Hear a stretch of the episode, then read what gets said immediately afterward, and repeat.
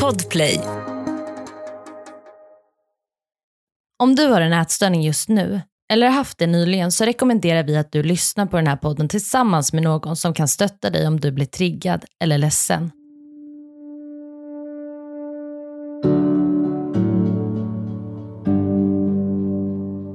Det känns som att så fort man tänker på, på ätstörningar, precis som du säger, så kopplar man det till att vara smal.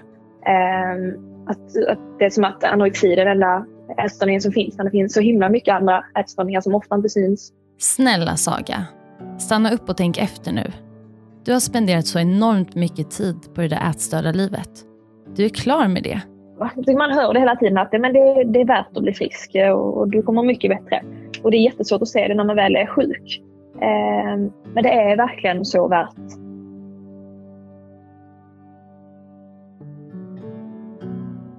Men Evelina, eh, jag har tänkt på en sak. Mm. Mm. Och det, jag är ju frisk idag och har varit det ett tag. Mm. Men så blir jag ibland så här, men gud, är jag verkligen det? Mm.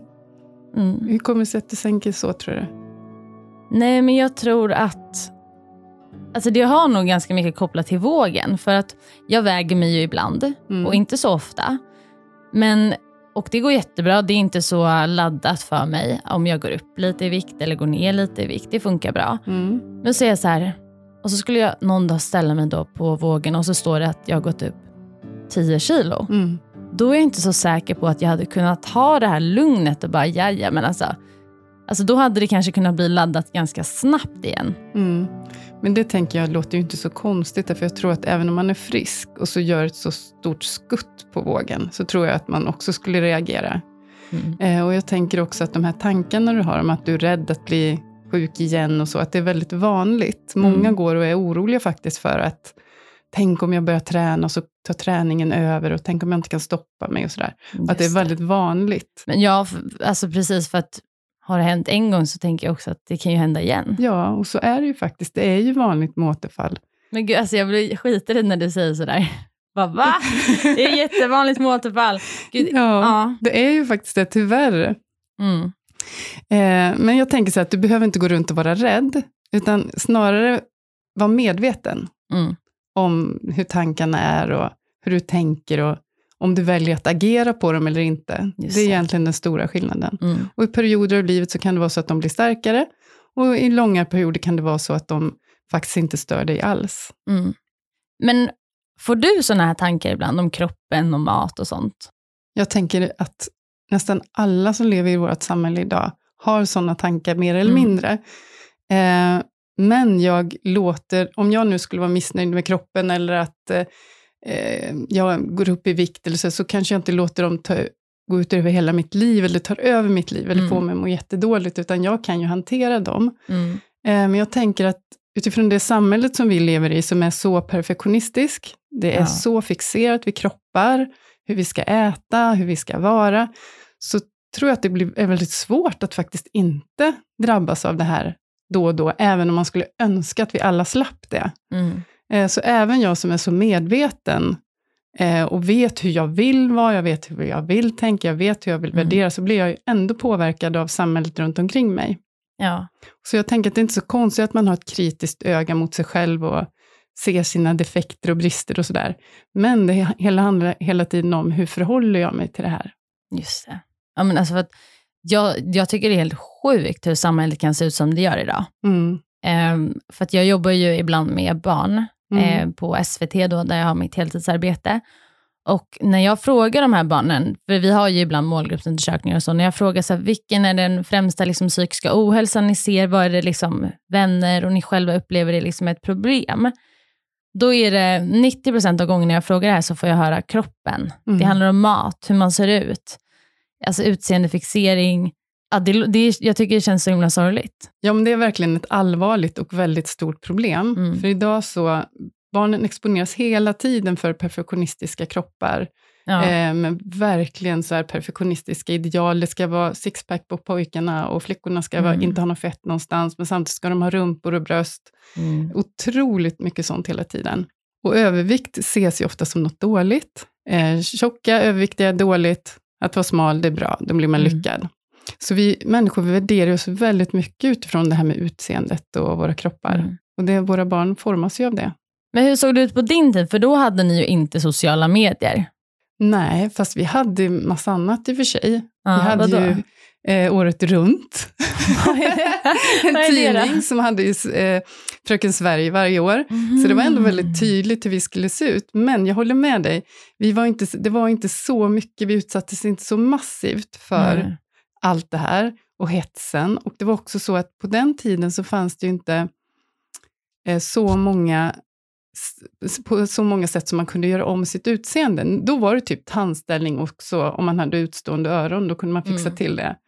Men nu är det ju faktiskt så här, man kan göra ingrepp för allt. Ja. Det gör ju också att möjligheten finns och då får vi jättesvårt att vara nöjda med oss själva eh, och komma till freds med hur vi ser ut och sådär. För det Mm. går ju alltid att göra om. Och även om vi inte har tänkt på det själva så kan man, någon annan säga till en, borde inte du leka tänderna? Eller Mm. borde du inte gå ner lite över rumpan? Eller vad det nu skulle kunna vara. Men gud, nu när du säger det där så kom jag på en grej. För att när jag var kanske 16, Mm. så jag, hade, jag tyckte all, alltid att mina armar var fina. Jag tänkte inte så mycket kring dem. Så var det då en, en, ah, en kompis till mig kan man väl säga, som eh, hade en klänning i sin garderob som hade Mm. då inga, så man kunde inte se, eller man, vad säger man, så här linneklänning. Mm. Och jag bara, gud den där är så fin. Och hon bara, men du kan få den, alltså jag kan inte ha på mig den. Kolla mina armar. Mm. Och så tittade jag på hennes armar och bara, mina armar ser ju exakt likadana ut. Mm. Eh, och sen den dagen hade jag liksom komplex för mina armar. Alltså jag kunde Ja. inte, på tio år liksom kunde jag inte ha linnen. Det kan jag ha idag. Ja. ja, och jag minns en sån grej från året runt, Mm. när jag läste. För då var det så här, då var det en, en kvinna, en jättesmal kvinna på bild, som var så här, så här räknar du ut om du är tjock, stod det, typ. Nej. Och så var det att om man har mindre än ja, ett visst antal centimeter mellan låren när man står på ett visst sätt på mattan, då är man överviktig. Och det hade jag. Jag var ju liten. Jag Du var ju gjorde den tung. mätningen, Jag eller? gjorde den mätningen och insåg att jag är överviktig. Jag är tjock. Medan den här kvinnan på bilden hade ju en helt annan, dels var jag barn, men hon hade ju också en helt annan kroppsform. Det är ju inte så att alla har thigh gap. Bra journalistik den där tidningen. Tackar för den tidningen. Så att, nej men visst, det var annorlunda när jag var barn, men det fanns mycket där och man fick Mm. mycket kommentarer från vuxna och jämnåriga även då, tyvärr. Ja, men nu ska vi gå över och prata om något lite roligare. Yes. Nämligen om att bli frisk och Mm. fri från en ätstörning. Ja. Och där vill vi ju båda verkligen döda den här myten om att eh, det inte går att bli helt frisk. Mm. För det, Ja, det är ju en myt som verkligen inte stämmer. mm, Vi har ju båda träffat personer som har blivit helt friska mhm. och hört talas om personer som blivit helt friska och en av dem sitter ju här nu. Ja, precis. Jag. Eh, så det går att bli helt frisk och fri. Ja, du har ju faktiskt varit sjuk i ätstörningar i flera år Mm. och ändå blivit helt frisk. Ja. Och det är ju fantastiskt kul. Och jag blir alldeles rörd när jag tänker på att det faktiskt har varit så att du sitter här nu och Mm. mår så här bra. Men du Saga, hur känns det att vara frisk nu då, om du jämför med alla år som sjuk? Nej, men alltså, när jag blev frisk så kändes det som att jag fick ett helt nytt liv. Mm. Alltså på riktigt, det är ju en helt ny värld som öppnas från att man liksom, allt på menyn man väljer så väljer man bara det som är för en ätstörning. Allt man äter, det, all, all den här planeringen, träningen, allt i ens liv blir liksom ätstörning. Och så helt plötsligt så är man frisk. Mm. Och bara upptäcker att shit, jag tänker inte på mat. Jag tänker inte på kropp. Jag Mm. tänker på, oh, den där serien som jag vill skriva. Alltså jag tänker på så mycket annat kul. Mm. Och kan bjuda på fester och gå på fester. Alltså det är ett helt annat liv verkligen. Mm. Mm. Det är så roligt att höra liksom att, att det kan gå så här bra och att det är faktiskt inte så länge sedan som du var sjuk. Nej. Och så sitter du här nu och är, Mm. ja men fungerar hur bra som helst. Ja. Vi bra åt, ju bra, vi åt ju middag tillsammans på restaurang för ett tag sedan. Mm. Det var inga konstigheter. Men gud, titta, hade du span på mig då bara, nu ska jag titta. Ja, nej men skämt åsido. Vi återgår till ämnet här nu då. Vad tänker du som du har som för och nackdelar med Mm. Det friska livet? Nej, men alltså det finns ju inga nackdelar överhuvudtaget att vara frisk. Det är som jag sa tidigare, att det är ett helt nytt liv. Mm. Och det är ju bara en fördel. Alltså jag kan göra precis vad jag vill. Och det kunde inte jag göra på så många år. Mm.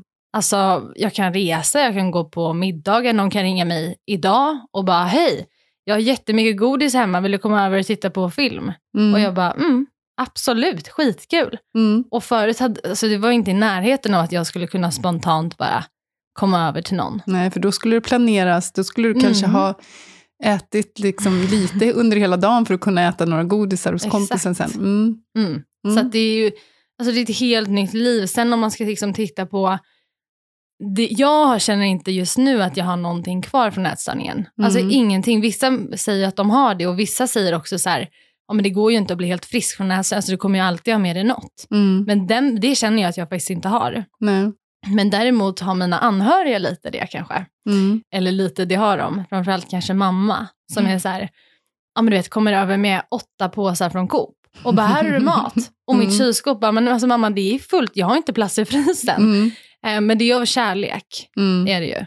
Men Ja. det, jag, du vet jag får säga till ibland. Och det tycker jag att jag får, fast att jag vet att det är kärlek. Liksom. Mm. Mm. Har du några konkreta tips vad du gjorde för att kunna komma ur ätstörningsvärlden? Mm. Jag visste ju nu att du skulle ställa den här frågan till Mm. mig, så jag har ju faktiskt förberett en lista. Härligt. Och ja, listor är bra. Mm. Men det första jag faktiskt gjorde, och då var jag i behandling, det var att eh, inaktivera mitt då Instagram-konto. Alltså Mm. mitt recovery account, som vi pratade om tidigare. Det var det första steget och det gjorde jag utan att säga till någon. Alltså, det var ingen del i min behandling egentligen, utan jag bara visste att jag måste inaktivera det. Jag måste bort härifrån om jag faktiskt ska kunna göra saker i behandling. Mm. Och då blev det nästa steg att jag faktiskt vågade följa behandlingen. Att göra de uppgifterna, att jag var så här, nu, nu förlitar jag mig på det här. Nu gör jag Mm. det, jag har tagit bort det här kontot, jag har tagit det steget. Då fortsätter jag. Mm. Och sen var jag också lite så här att när motivationen försvann, du vet den här ambivalensa, ambivalenta tillståndet, Mm. när det liksom var i vägen för mig, då försökte jag hela tiden tänka på min familj. Mm. Att så här, okej, men om, jag, om jag nu inte förmår med att göra det här för mig själv just nu, Mm. då får jag tänka på dem. Alla tårar, all oro, min brorsas söner som jag älskar så mycket. Så det, det blev en motivation också, en hjälp i, på, mot vägen att bli frisk. Men sen gjorde jag en sak som verkligen är tips. Mm. Och det var att jag en kväll satte mig, liksom, jag tände ljus, tog en kopp te och så målade jag som två vägar som gick åt olika håll. Mm. Och så skrev jag då på den ena sidan var, om du följer ätstörningen, Mm. ja men då blir det sjukskrivningar, det blir sjukhus, hjärtproblem, massa ja, men så, alltså isolering, allt jäkla skit som en ätstörning för med sig, den Mm. vägen var liksom. Och sen den andra vägen så skrev jag upp så drömmar och mål, att skaffa familj, Mm. att resa, bara att gå på restaurang kan ju vara ett steg Mm. inledningsvis. Liksom. Och då blev det ju jättetydligt att den ena vägen var ju helt mörk och bara fylld av skit. Mm. Och den andra vägen var så här, shit det här vill ju jag. Det är Mm. det här jag vill. Så det var jättebra för mig. Ett poddtips från Podplay. I podden Något Kaiko garanterar östgötarna Brutti och jag, Davva, dig en stor dos skratt. Där följer jag pladask för köttätandet igen. Man är lite som en jävla vampyr. Man har fått lite blodsmak och då måste man ha mer. Udda spaningar, fängslande anekdoter och en och annan arg rant. Jag måste ha mitt kaffe på morgonen för annars är jag ingen trevlig människa. Då är du ingen trevlig människa, punkt. Något Kaiko, hör du på Podplay. Därför är gardinerna. Ja, det var ju några punkter. Har du fler punkter på din lista? Nej. sa jag. Var det, blev det dumt? Nu sitter jag och Evelina här och skrattar för att det är så lång lista. Men jag har eh, faktiskt lite kvar. Ja, det är bra. Ja, Kör. Låt mig. Tyst nu Evelina. Nej men faktiskt också ta stöd. Släppa in familjen. Mm. Det gjorde jag ju alltså, efter ganska många år. Men låta familjen och vänner kanske vara med och ge stöd när man behöver det som mest. Mm. Det har varit viktigt för mig. Och det sista. Alltså det absolut sista nu då på den här listan. Nej, det finns säkert fler saker, men det är det här jag har skrivit upp. För mig var ju det sista steget att lämna min ätstörningsenhet. Som jag hade varit på i så många år för att jag hade alla verktyg. Jag kom inte riktigt vidare till slut. Alltså jag behövde lämna sen Mm. för att känna, gud, jag, jag kan ju, jag kan det här. Mm. Jag är frisk. Och då att inte komma dit var också så att jag slapp liksom vara i den miljön och känna att nu är jag här för att jag är sjuk. Mm. Så det blev ett viktigt steg för mig. Blir det lite som att du kunde släppa den identiteten? Liksom? Mm, jag Mm. tror det. Och eh, jag kom inte dit och prata och behövde inte väga mig hela tiden. Det var liksom, Mm. det hade jag gjort så många år. Mm. Och det är svårt kanske att veta när man ska lämna en ätstörningsbehandling. även för behandlare ibland kanske. Mm. Men det var ju faktiskt min behandlare som sa att, men Saga jag vet inte, jag vet inte om det är bra för dig att vara kvar nu. Hur ska vi Mm. göra? Mm. Och då kände jag först bara, jävla kärring. Ska du släppa ut? Nej men jag kände det bara. Vad fan tror du? Ja, då ska jag bli jättesjuk igen. Ja. Alltså, men eh, det var ju verkligen bra för mig. Mm. Mm. Får jag bara säga en sak där som slår mig? Det, men Mm. jag jobbar ju med KBT. Mm. Där är det ju så här att det är tidsbegränsat. Så både Mm. terapeuten och patienten vet när man börjar, när man ska sluta. Mm. Och det, tycker jag, det är ju en del i det. Att, Mm. att då har man nått ett mål och ett slutmål att jobba mot. Och det brukar faktiskt bli väldigt bra. Ja, och det är det jag kanske inte riktigt hade under. Mm. Dels att det gick upp och ner, så man var tvungen att liksom, nu måste du till en annan alltså, vårdnivå. Mm. Men eh, sen blev det ju, alltså, så det har jag ju berättat, att man gjorde en miss på Mm. en av ätstörningsenheterna jag var på, Mm. som gjorde att jag föll ner kanske ännu mer i sjukdomen. Mm. Eh, Så att det, ble, det var inte riktigt en vanlig behandling kanske. Och så kan det ju vara, att det går upp och ner och så. Och att man kan behöva vara först på en vårdnivå och sen en annan. Mm. Men jag tänker att på varje vårdnivå man är, så ska man ändå veta, så här, jag vet hur många veckor jag ska vara här. Mm. Eh, och vad jag har att jobba mot. Så att det är tydligt. Ja, men för det hade jag inte. Men sen när då vi bestämde att ja, men så här många sektioner har vi kvar nu, Mm. för att vi har bestämt att du ska härifrån. Mm. Då kände jag lite att jag började jobba Ja, också. Precis shit, gud, nu har jag bara nu har jag bara några veckor på mig. Mm. Nu måste jag göra allt. Nu måste jag liksom... Alltså ja. Precis så är det. När, Mm. när, i, I KBT då, är det faktiskt så här, men nu är det en sektion av 20. Och Ja. sen när man har jobbat 10, nu är vi på sektion 10 av 20. Mm. Så man vet hela tiden, man är väl förberedd på slutet och man vet att man behöver jobba på för att använda sig av de här sektionerna. Eh, och jag tycker att det är så mycket mer effektivt, för jag har ju jobbat på det andra sättet också. Mm. Mm. Men vad fan, nu känner jag så här, jag har fan gått i KBT. Varför har jag inte haft det så här? ja, ja, det är som det är. Mm. Nu är jag frisk i alla fall och det Mm, är det, det är bra. viktigaste. Men du Saga, du berättade ju också om ett brev som du skrev till dig själv, som blev väldigt viktigt för dig. Mm. Vill du berätta om det? Ja, men det var ett brev som jag faktiskt så skrev i slutet av min behandling. Och det var en uppgift i behandling. Det var egentligen någon, någon form av så här, för att du inte ska falla tillbaka med Mm. kraft. Alltså jag var ju fortfarande inte helt frisk då, men så ska jag skriva det här brevet och kunna titta på. Om Mm. jag skulle känna att shit, för jag bara måste ner i skiten igen. Så att det brevet blev jätteviktigt för mig. Mm. Skulle du vilja läsa upp det brevet för oss? Ja, det kan jag göra. Men det man ska ha med sig när man lyssnar till det här brevet är att de senare åren av då jag hade näsan, jag hade en anorektisk problematik. Mm. Så det är lite inriktat mot det. Mm. Mm. Men vi lyssnar. Mm. Snälla Saga, stanna upp och tänk efter nu. Du har spenderat så enormt mycket tid på det där ätstörda livet. Du är klar med det. Inlåst på en avdelning, sittandes i en stol under flera timmars samtal. Ett hjärta som börjar ge upp. Är du säker på att du överlever nästa gång? Om du faller dit igen är det som att trycka på rewind. Ett kassettband som spolas tillbaka för att du återigen ska få uppleva anorexins tillfredsställelse. Men vad kommer egentligen med den där tillfredsställelsen? Jag vet att du argumenterar med dig själv just nu. Du läser det här och skrattar innerst inne. För det enda du vill och tänker göra är att följa den där rösten. Den anorektiska kraften är så stark. Men tänk då på den tioåriga Saga. Just det, det här, den femte kvinnan, den läser vi. Den är skitbra. Jag läser den högt för morgonen. Men nu har det kommit nya Show! Den är ju bara så god. Ni måste bara smaka. Den var god. Den kommer snart hem till Sverige. Jag tar med den och ni smakar. Woo! Den där orädda, livsglada och spralliga tjejen. Är hon värd det? Tänk på brorsans barn, mamma och pappa. Du förskönar bara det som varit. Men om du verkligen, verkligen gräver i djupet, som en sann journalist, gör en gedigen research, då inser du hur de där åren faktiskt varit. Jag vill ju bara kunna äta. Jag vill ju bara kunna leva mitt liv. Maten. Har du fejsat så borta? Kom nu Nej, det har jag ju visst det. Ja, kom nu, det är ingen fara. Kom. Jo, det är det. Kom nu, Det är så. lätt för dig att säga. jag vet. Så det är Anna som sitter på den axeln. Men nej, det är jag själv.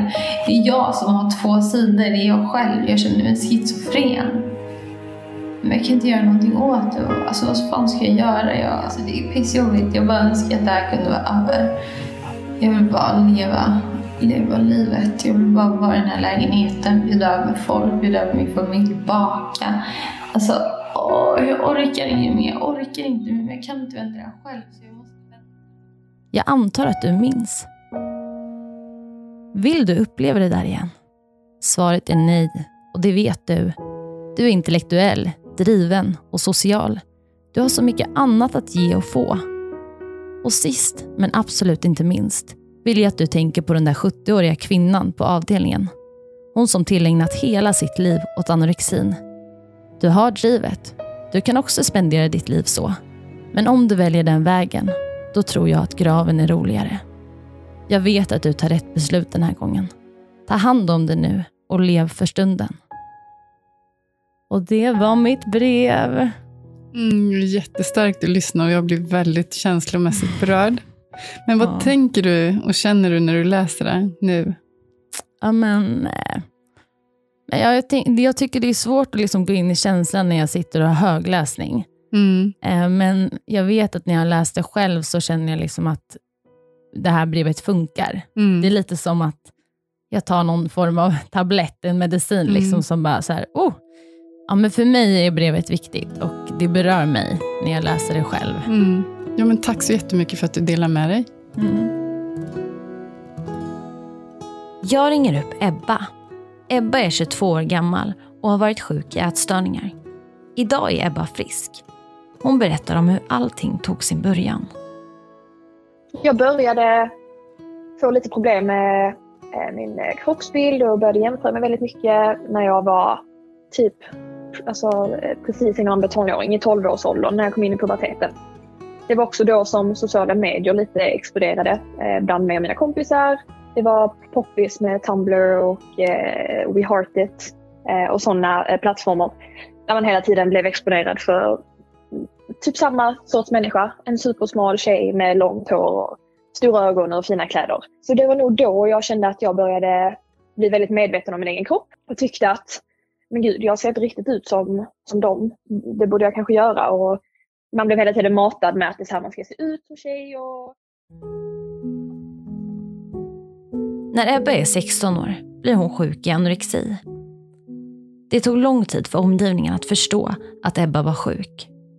jag, det såg ut som att jag var väldigt hälsosam. du Vet, så här. Ja, men, höll på med träning mycket och recept och sådär.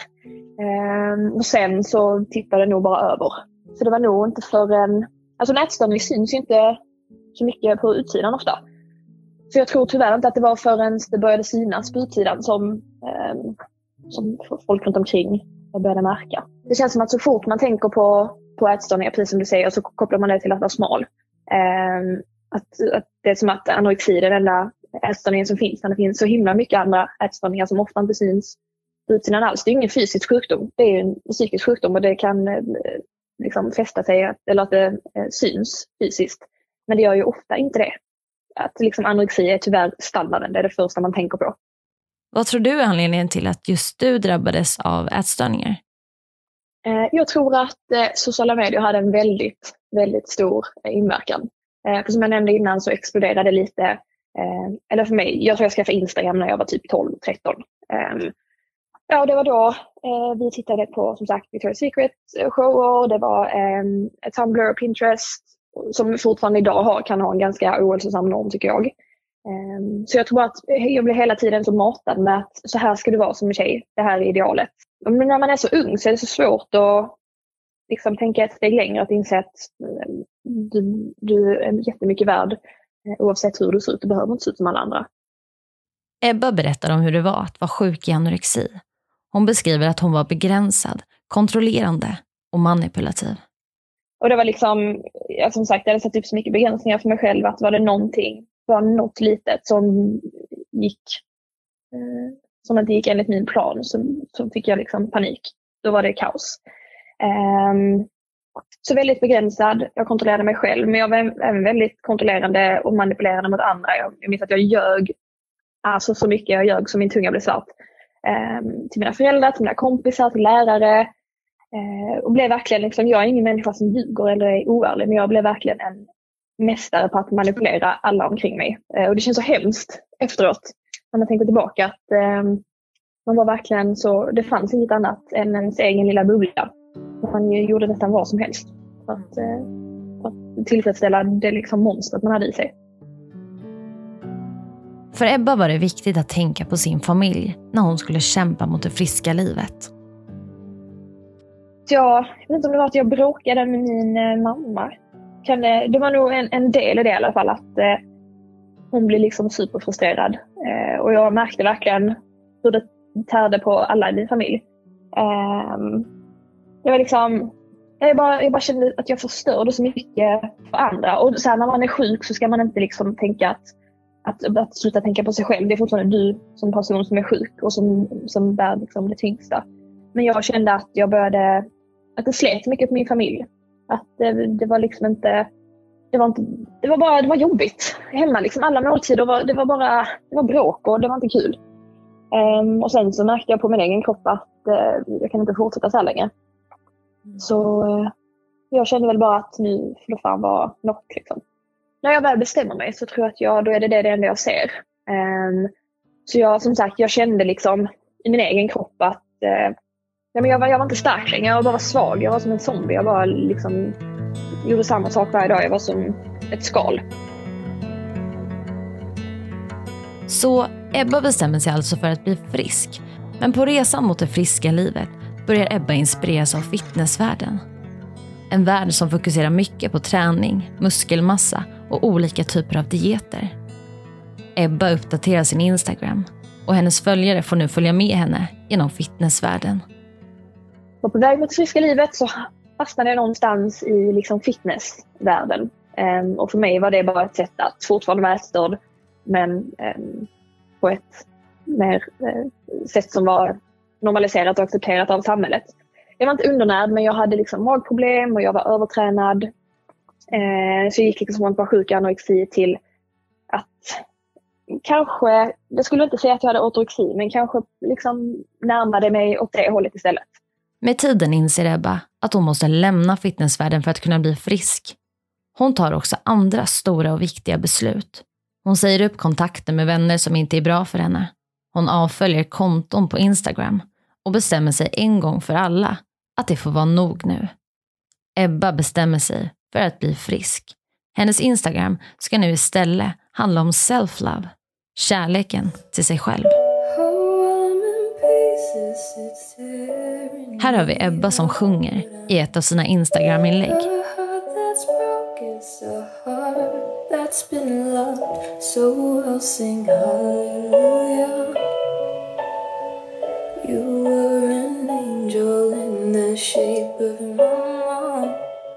På Ebbas Instagram får man vara den man vill. Hon säger att alla ska känna att de är trygga hos henne. Flödet visar bilder på håriga kvinnoben, finnar, bristningar, natur och mycket mer. Ett flöde som man kanske inte så ofta ser på Instagram. Ebbas konto och den responsen som hon fått från sina följare var ytterligare en morot i Ebbas tillfrisknande. Alltså, man hör det hela tiden att men det, det är värt att bli frisk och, och du kommer mycket bättre. Och det är jättesvårt att se det när man väl är sjuk. Ehm, men det är verkligen så värt att bli frisk. Alltså att, att bara kunna gå runt. Här, om, om du är en sjuk person som lyssnar Om du tänker dig att du kan leva en dag utan att den dagen handlar om mat och träning. Du kan bara, du bara är, det är liksom tomt i din hjärna. Du slipper tänka på din kropp och vad du ska äta hela tiden. Du slipper planera flera dagar i förväg. Eh, och du slipper lägga in allt du äter i appar och hålla på. Liksom. Det är så skönt att vara fri i, i liksom sina tankar. Att, de, att ens tankar kan eh, Jag menar att en, en, man kan tänka på andra saker. Man kan tänka på hur fint väder det är. Att man vill gå ut och fika och umgås med sina kompisar. Eh, det blir liksom en helt annan värld. Eh, men ett tips. Jag kan, om man ska säga, ge lite tips till någon som vill bli fri från en ätstörning. Så en grej som var superviktig för mig var min miljö. Att göra den hälsosam för mig. Och det innebar att avfölja väldigt många konton på Instagram supermånga konton. Jag fick eh, lämna vissa eh, vänskaper för min egen hälsa. Eh, och liksom våga ta det steget. Då blir det mycket lättare när man kan liksom gå in på sociala medier för att man tycker det är kul att slippa se eh, super, massa supersmala människor. Ehm, eller, eller någonting som bara får dem att må dåligt. Att liksom göra sig själv den tjänsten att slippa eh, se det varje dag. Det hjälper jättemycket för mig.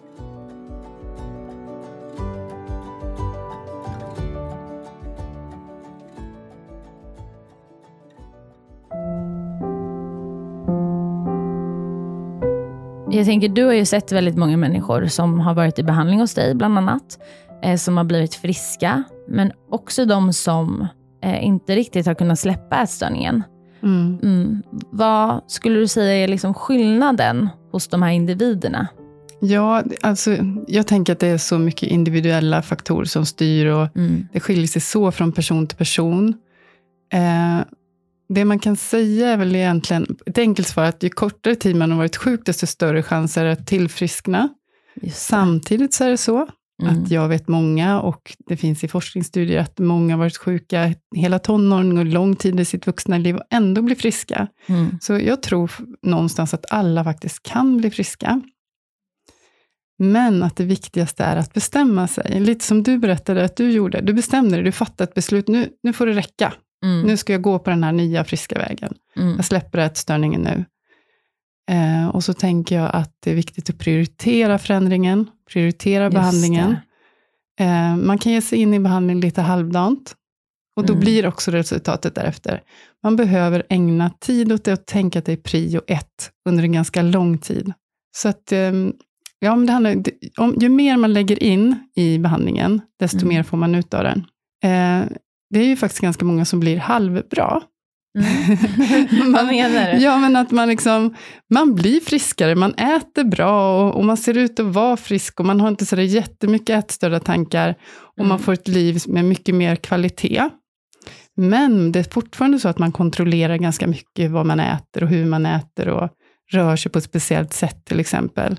Och det räcker för en del och så kan man ju leva. Mm.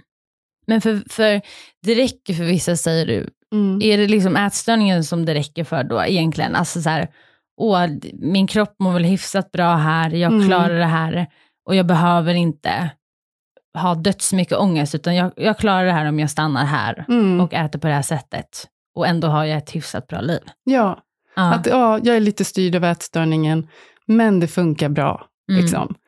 Men man kan ju då också gå ett steg längre, att faktiskt helt släppa. Släppa Ja. kontrollen och släppa, alltså, eller den här ohälsosamma kontrollen menar jag då. Mm. Men hur blir man frisk då, Evelina? Ja, det är ju en jättesvår fråga. Ja, det det Eh, och det är naturligtvis precis som vanligt från individ till individ, men jag tänker ändå att någonstans måste man våga erkänna för sig själv att man har problem. Mm. Eh, och det är ju inte lätt. Eftersom man har haft en ätstörning länge så har man ju massor med bra argument för varför man gör som man gör. Och varför Ja. man behöver göra det här. Både inför sig själv och för andra. Mm. Så man är, har ju övertygat sig själv om att det, här, det finns ingen annan väg att gå. Så därför blir det väldigt svårt att helt plötsligt erkänna att nej, men jag behöver nog hjälp Ja. och jag har problem. Men det är nödvändigt för att man ska kunna ta emot hjälp. Mm. Eh, sen tänker jag också så att det blir så svårt att erkänna, ja, men jag tror att du läste lite från ditt brev där, att, att faktiskt erkänna för sig själv att jag har prioriterat det här i så här Ja. många år. Mm. Eh, det blir ju en sorg att liksom tänka det. Tänk, jag har ägnat så här många år åt Mm. svält, och kanske hetsätningar och kräkningar, och mått dåligt över min kropp. Mm. Eh, och så då helt plötsligt tänka att jag har nog valt fel, jag har ju prioriterat fel. Ja. Det är ju en sorg, man kan ha förlorat flera år. Eh, men att man Mm. ibland får bestämma sig för att, ja, så eh, har det varit. Jag är jätteledsen för det. Men jag vill Mm. ändå gå vidare. Ja, det där är ju det där är sorgligt, för när jag tänker också på de åren jag la, så kan jag känna ibland att jag liksom, ja men jag mådde ändå ganska bra. Alltså även idag är jag frisk och jag, har liksom, jag är förbi den perioden, men jag kan ändå ibland försvara den perioden genom att bara, nej men jag mådde ändå okej liksom, Mm. under, under många år, det var ändå okej. Och det är ju någon typ av försvarsmekanism, tänker jag. Eller liksom Mm. att jag, jag vill inte gå in för mycket i den tanken, för det är ju en så stor sorg. Ja. Att lägga, alltså även om det är ett halvår, Mm. kontra tio år, man har ändå lagt, det är lång tid liksom, Mhm. att vara i något sånt förjävligt. Mm. Okej, men om man, om man nu då har erkänt för sig själv att man förstår, okej, men jag har, jag har problem med kropp, mat eller vad det än är, träning. Eh, vad är nästa steg då? Ja, men det blir ju att eh, också ta emot hjälp och, och, och be om hjälp. Mm. Och ofta behöver man hjälp från många olika, både familj och vänner och professionella. Mm. Och det är ju så sorgligt för att alla har inte hjälp från flera håll. Nej. Men på något sätt så, så behöver man be om hjälp från de man kan få runt omkring sig. Mm. Du berättade ju förut att dina behandlingar inte hade gått så bra när du inte hade berättat för dina anhöriga. Mm. Hur har det varit för dig? Nej men alltså, först så gick jag väl inte, alltså, jag, när jag blev 18 då var jag så här, åh, ingen kan se mina journaler, ingen kommer kunna kontakta mina föräldrar om jag Mm. går och liksom, jag kanske har problem. Så jag hade, jag hade ändå förstått att jag hade något typ av problem, men jag hade inte kunnat liksom förstå att någon skulle remittera mig till en ätstörningsenhet. Det kändes bara så här, gud jag är inte underviktig. Alltså, det är bara, ja men du vet, det är min Mm. tanke kring det där, liksom, att det är bara underviktiga och de som kräks som får hjälp. Mm. Och så var det ju inte för mig då. Så att när jag kom till, så jag gick till ungdomsmottagningen då, det första jag gjorde. Mm. Och det, det gjorde jag väl några gånger, men det var jättejobbigt Mm. och jättesvårt. Jag var så här, då kände jag också bara, när, när är det här samtalet över? När får jag gå hem och skita i det här? Mm. Jag orkar inte. Så jag slutade ju där ganska snabbt och sen så såg jag av en slump då att Mandometerkliniken fanns. För att de hade drop-in-tider, vilket jag kan tycka det är väldigt positivt. Mm. Att man liksom, gud det finns möjlighet för mig att bara gå dit lite spontant. Och då fick jag i alla fall förstå att ja, jag hade en ätstörning. Det var första gången jag fick höra att jag på riktigt behövde hjälp. De bara, du behöver verkligen hjälp. Mm. Men jag tog inte den behandlingen. Men då var ju tankarna igång att just Mm. jag måste få hjälp. För de har också sagt att jag verkligen behöver det. De tryckte liksom på det. Ja.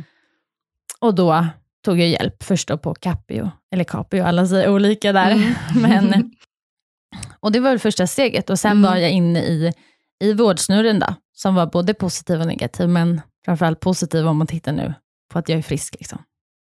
Och när berättade du för dina anhöriga då? Ja, det, det tycker jag är så sorgligt också, för det, det gick ju många år och först när jag var underviktig, och de hade ju sagt flera gånger, någon gång när jag gått ner lite i vikt, liksom, men fortfarande var normalvikt och sen hade jag gått upp.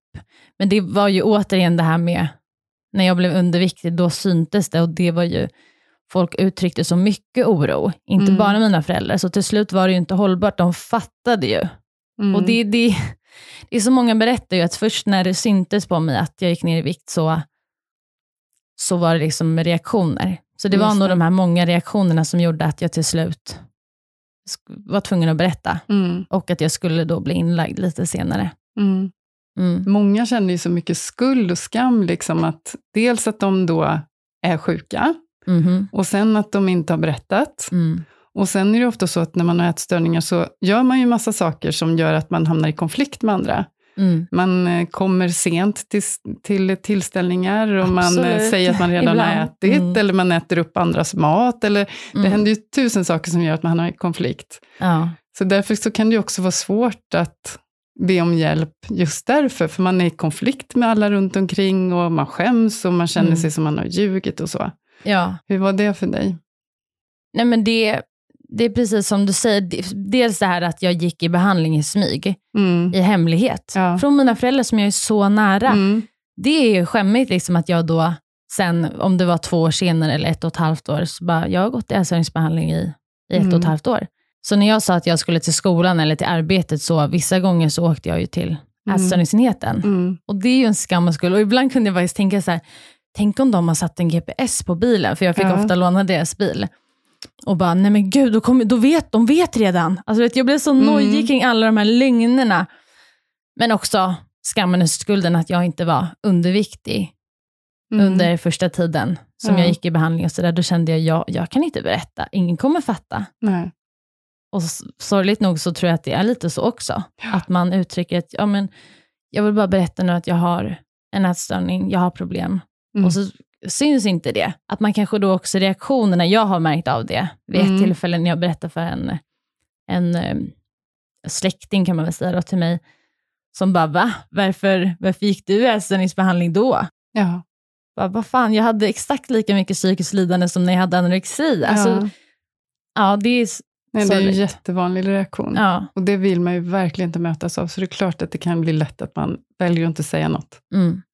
Men hur är det med den här med vägen mot att bli frisk? Alltså hur lång tid brukar det ta för en person att bli frisk? Mm, nu kommer jag ju mitt, mitt standardsvar igen, att det är väldigt olika. Det är väldigt olika. Det har För man det inte är verkligen så. Mm. Men eh, det kan ta väldigt olika lång tid. Det kan gå Mm. fort. Men det kan också vara så här långa processer och det kan ta många behandlingsförsök. Ehm, och vägen är sällan spikrak. Det är ofta så att man, man blir bättre och sen blir man sämre igen och sen blir man bättre så blir man sämre igen och så vandrar man ofta mellan diagnoser, precis som du har berättat att du har Mm. gjort. Eh, och eh, det är så att man ska inte ge upp, trots att det blir så att man får gå in nytt behandlingsförsök och ett nytt igen och sådär. Mm. Så ge inte upp det, för man kan bli frisk. Ja. Eh, det, det beror på olika saker och olika omständigheter, men jag tänker att de, de allra, allra flesta kan bli friska. Det men det tar också. bara lite olika lång tid. Mm. Och som jag har berättat, att det var, jag tror att något som var avgörande för mig var den behandlare jag fick. Mm. Som kunde så mycket och vågade pusha lite. Det kan ju också vara en faktor. Mm. Att man måste träffa någon som också funkar för en att sitta med och som vågar utmana en. Mm. Och vara lite hård. Ja, var lite jobbig person Ja, helt enkelt. Exakt, för det var hon. Nej, Ja. men, jag så att det är väl, för det är ju tufft att, att då misslyckas, om man ska se det som ett misslyckande. Att Mm. så här, nej jag klarade inte den här behandlingen, och klarar jag inte den här he- heller. Mm. Alltså när det snurrar på så. Mm. Ja, att inte lägga allt på sig själv, utan Mm. det kan vara så omständigheter i livet, att just nu är det extra svårt. Ja. Men det kan faktiskt också vara så att man, man klickar inte med behandlaren, eller just den här behandlingen passar inte mig. I Mm. alla fall inte just nu i mitt liv. Ett poddtips från Podplay. I podden Något Kaiko garanterar östgötarna Brutti och jag, Davva, dig en stor dos skratt. Där följer jag pladask för köttätandet igen. Man är lite som en jävla vampyr. Man har fått lite blodsmak och då måste man ha mer. Udda spaningar, fängslande anekdoter och en och annan arg rant. Jag måste ha mitt kaffe på morgonen för annars är jag ingen trevlig människa. Då är du ingen trevlig människa, punkt. Något Kaiko, hör du på Podplay. Därför är Men om vi går tillbaka lite till det här som vi pratade om i början, att man Mm. kan få så här tankar om mat och vikt och sånt. Och så, och så känner man att jag är ju frisk idag, men vad då håller jag på att bli sjuk nu igen? Hur, hur ska man tänka kring det? Mm. Men jag tänker så här att om man nu får tankar om att man till exempel skulle vilja ha en plattare mage eller gå ner ett par kilo i vikt, så, så tänker Mm. jag att man kan ju faktiskt ha flera tankar i huvudet samtidigt. Mm. Eh, och att det faktiskt spelar roll, det, det spelar inte så stor roll vad man tänker, utan det är snarare hur agerar jag på de här tankarna. Mm. För du kan ju få tillbaka tankar som du hade när du hade en ätstörning. Ja. Eh, men du behöver ju inte låta dem styra ditt liv. Eh, så man kan ju till exempel ha värderingen att kropp och utseende ska inte spela något roll i mitt, någon roll i mitt liv, varken Mm. för mig själv eller för andra. Mm. Samtidigt kan det ju faktiskt vara så att man fortfarande tycker att det är fint med smala, eller man själv vill inte gå upp i vikt, eller vad det nu är. Ja. Eh, eh, man kan ju till exempel komma upp avundsjuka tankar om att man skulle vilja se ut som någon annan som mer följer normen till exempel. Mm. Men det behöver ju inte vara ätstört eller konstigt i sig. För jag tänker att det är ganska mänskligt. Mm. Men det är klart att vara medveten om tankarna och inte agera på dem. Nej. Men om, om en sån tanke kommer upp då, säg att jag går på stan och så ser jag en, en smal tjej som jag bara, gud, henne vill jag se ut som. Ska Mm. jag, hur ska jag tänka då kring de här tankarna? Vad ska jag göra när de kommer? Mm. Jag skulle nog tipsa om att lägga märke till tanken. Mm. Ja, och så faktiskt namnge den. Till Jaha. exempel, så här, men titta här, nu kommer en sån där gammal ätstörd tanke igen. Ja. Då får du lite distans till tanken Mm. och du dras inte med i den. Eh, och så acceptera att den finns där. Ja, ja men sådana där tankar har jag ibland. Och Mm. jag kommer få dem ibland. Men de är inte farliga. Och så påminner det om dina verkliga värderingar, vad du egentligen vill, vad du egentligen tycker är viktigt i livet. Och så håller jag fast vid det. Mm. Så skulle jag nog rekommendera dig att hantera men- dem. Det låter bra. Just den här också första, att man distanserar sig då lite. Mm. Just det, det där var en sån där gammal ätstörningstanke. Mm. Det tror jag ändå kan vara, Ja. eller jag tror alltid så, inte bara det. Eh, Men verkligen. Mm. Okej, men nästa fundering då, faktiskt, som jag Mm. tänker ibland. Jag tycker inte så mycket om att ha tajta kläder. Mm. Eh, och det tyckte jag ju definitivt inte om när jag var ätstörd. Mm. Och då tänker jag så här, hmm, sitter det här kvar från den tiden att så här, ah, jag vill inte ha tajta kläder för att min mage trycks ut och kanske ni ätit, alltså att jag inte vill att det syns. Eller är det Mm. bara för att jag inte gillar tajta kläder? Alltså det, det kan vara något sånt här. Mm, det är liksom svårt att särskilja Ja. vad- vad som är ätstörning och vad som är bara vanligt. Ja men precis. Ja. Nej, men jag tänker så här, det är inte så konstigt att, att du tänker så, för att ofta om någon i, när man går i ätstörningsbehandling har problem med tajta kläder, Mm. så kan det ju bero på att man då känner sig svullen eller känner sig tjock, eller man vill dölja sig för andra för man skäms över sin kropp, eller man vill inte själv se sin kropp eller känna kroppen. Mm. Eh, Så därför så kan det vara så att när man väl tillfrisknar från ätstörning så börjar man öva sig i att ha lite olika typer av kläder igen och man Mm. bryter undvikanden som till exempel att inte kunna ha jeans eller så. Ja. Så därför tänker jag att det är inte konstigt att du tänker så. Mhm. Eh, för det skulle kunna va- vara en rest av ätstörningen. Nej! Jo, så kan det faktiskt vara. Men det jag tänker nu att man kan göra liksom som ett litet experiment, Mm. eh, att du funderar lite på så här, vad tycker du är viktigt i ditt liv? Mm. Jag Eh, blundar och tänker. Ja, du blundar och Mm. tänker. Och vad tycker du om? Vad tycker du om att göra? Hur tycker du om att leva ditt liv? Mm. Har du tänkt efter lite? Ja. Då blir nästa fråga så här. Att du inte har tajta kläder, Mm. hindrar det på något sätt från att göra det som du tycker är viktigt, eller det som du tycker om att göra i ditt liv? Nej, absolut inte. För jag kan ju ha bikini och allt sånt. Ja, så det blir inte så att nej, men då kan inte jag klättra, eller jag vågar inte dansa tango fast jag skulle Mm-mm. vilja göra det. Det är inget sånt, liksom, utan du, du kan göra det du vill. Mm. Ja, Det kan jag. då tänker jag så här, att då har det nog inte med ätstörningen att göra. Att Nej. du, nu är det nog så att du trivs bättre i, i lite andra kläder. Mm. Men du har ju alltid rätt att ändra dig också. Ja. Nästa gång du träffar mig, då sitter jag med en tajt klänning Ja. så här. Nej, men ja, ja, det stämmer nog det du säger. Att det är nog inte rester från en ätstörning. För jag tycker inte det är skönt bara att ha tajta kläder. Mm. Och där är vi ju olika. Ja. Nej, men jag tänker så här att även de som inte har eller haft en ätstörning kanske väljer bort vissa kläder. Mm. För att man kanske inte känner sig fin i dem eller det känns inte bekvämt. Mm. Och jag är absolut en av dem. Mm. Liksom jag väljer kläder som jag tycker, ja men de här trivs i, jag känner mig fin och de sitter skönt. Ja. Och jag tänker att det är mycket enklare att trivas med sig själv när man har kläder som sitter skönt på kroppen. Mm. Så egentligen tänker jag att det behöver inte vara så konstigt. Men det är klart att om det skulle hindra mig från att göra saker som jag verkligen vill i mitt liv, Mm. då behöver jag ju fundera på om det blir ett problem.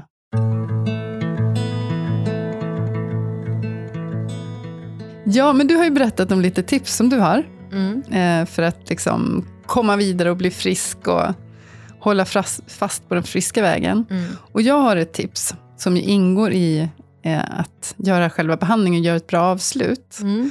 Och det brukar man kalla för att göra en vidmakthållande plan. Mm. Eh, och det innebär att man skriver ner de områdena som man har jobbat med, man kanske, med ätandet, med hur man ser på sin kropp, och vikt och vägning till exempel, och, och kanske träning. Mm. Eh, och så ser man så här, vad är det som var jobbigt för mig där? Och vad är det som har hänt? Vilka förändringar har jag gjort? Och vad använder jag för strategier Mm. för att kunna göra de här förändringarna? Eh, så att man sammanfattar liksom behandlingen och, och påminner sig om hur det var när man började och vilka framsteg man faktiskt har gjort. Mm. Eh, och sen så funderar man framåt, vad är det som jag kommer behöva fortsätta att tänka på Mm. för att faktiskt hålla fast vid min friskhet och kanske ändå bli ännu mer fri från nätstörningen på sikt. Mm. Eh, och vilka strategier kommer jag behöva fortsätta att arbeta med? Yes. Är du med på vad jag menar? Ja, ja, men jag är med. Mm. Vad tänker du sådär att du skulle behöva ha haft med dig, om du hade skrivit en sån vidmakthållande plan, vad hade Mm. du behövt ha med dig då? En, men en sån plan har jag säkert skrivit, men jag Mm. kommer inte riktigt ihåg. Men då skulle jag väl nog ha kvar, eh, om jag bara tittar tillbaka, så att fortsätta utmana mig att äta saker. Mm. Att, eh, för att vi hade då lite så här att jag skulle öva på något som var lite jobbigt varje vecka. Mm. Att fortsätta då äta de här sakerna, att veta att det ska du göra varje vecka. Mm. Det är inte om en månad, för då kanske du blir rädd igen. Mm. Så typ det. Men sen vet jag att, att vissa har på sin vidmakthållande plan att fortsätta väga sig. Mm. Och det tycker jag är lite intressant. Det är må- många som säger så här, men skulle jag ha en våg hemma, då skulle jag bli ätstörd direkt. Mm. Men du, du har ju en ganska bra förklaring till det där, att man ska Ja. fortsätta väga sig.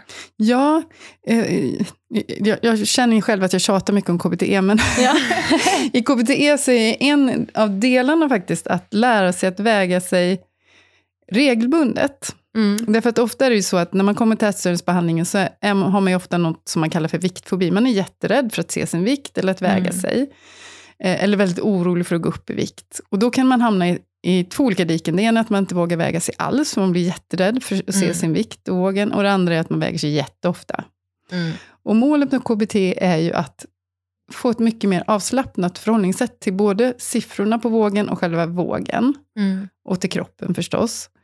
Och, och se viktsiffrorna mer medicinskt. Att precis som man kan ta blodtryck och puls eller mäta sina järnvärden eller vad det nu kan vara, vilket Mm. man behöver ibland Mm. för att veta att man mår bra, så kan man också väga sig. Rent alltså tänkas mer, det är ett medicinskt mått. Det här är inte ett mått på om jag är eh, en dålig människa, om jag är lyckad eller misslyckad, utan mer Mm. bara, det är en siffra på vågen. Eh, och då så kan det vara bra att, om man nu har övat på det här och inte är rädd längre under behandlingen, Mm. så kan det faktiskt vara så, för så är det med all form av fobibehandling, till exempel spindelfobi. Mm. Om man då har övat under behandlingen att utsätta sig för spindlar och vara i miljöer där det kan finnas spindlar.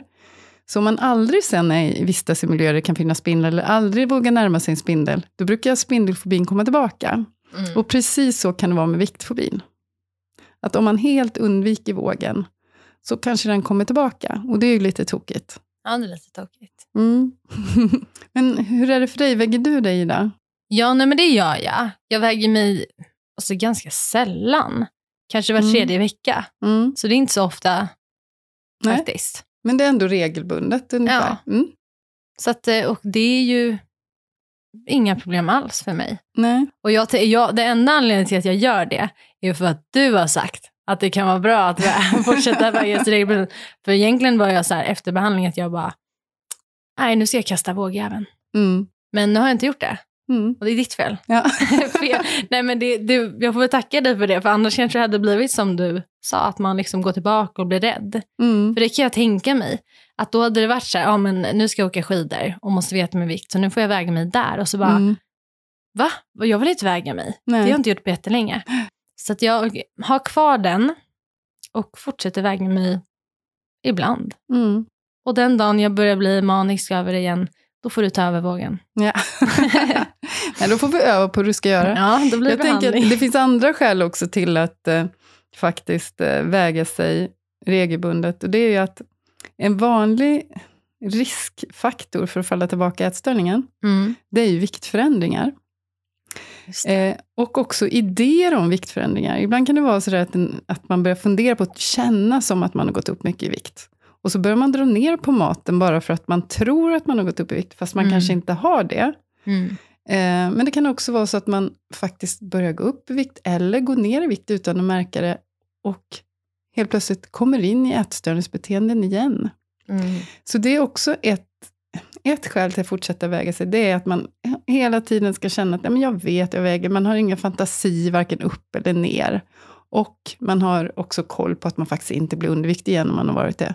För blir man underviktig igen så är risken för återfall jättestor. Ja, men nu sitter ju du här och predikar för våg och vägning. Ja. Men då frågar jag dig också, väger du dig? Alltså, nej, jag har faktiskt ingen våg hemma.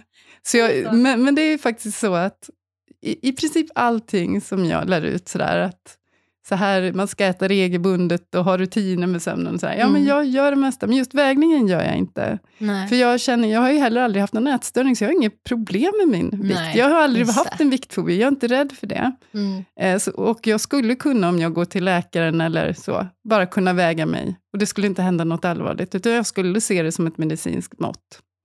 Så Mm. därför så känner inte jag att jag behöver det. Nej. Och sen är jag nog kvar i det här att när jag började jobba med ätstörningar, då hade jag också den här synen att man inte ska väga sig. Och man ska inte liksom prata vikt och sådär. För Nej. det fick jag ju lära mig. Ja, Eh, och det gjorde att jag inte vill ha en våg hemma för mina barns skull. just det. Eh, och sen har det bara inte blivit att vi har skaffat någon. Eh, så mina barn har ju ingen koll på vad de väger eller Nej. vad man ska väga ungefär i en viss Mm. ålder. Och, så här. och det är ganska skönt. Mm. Men som sagt, vi har heller inte någon ätstörning som det är nu.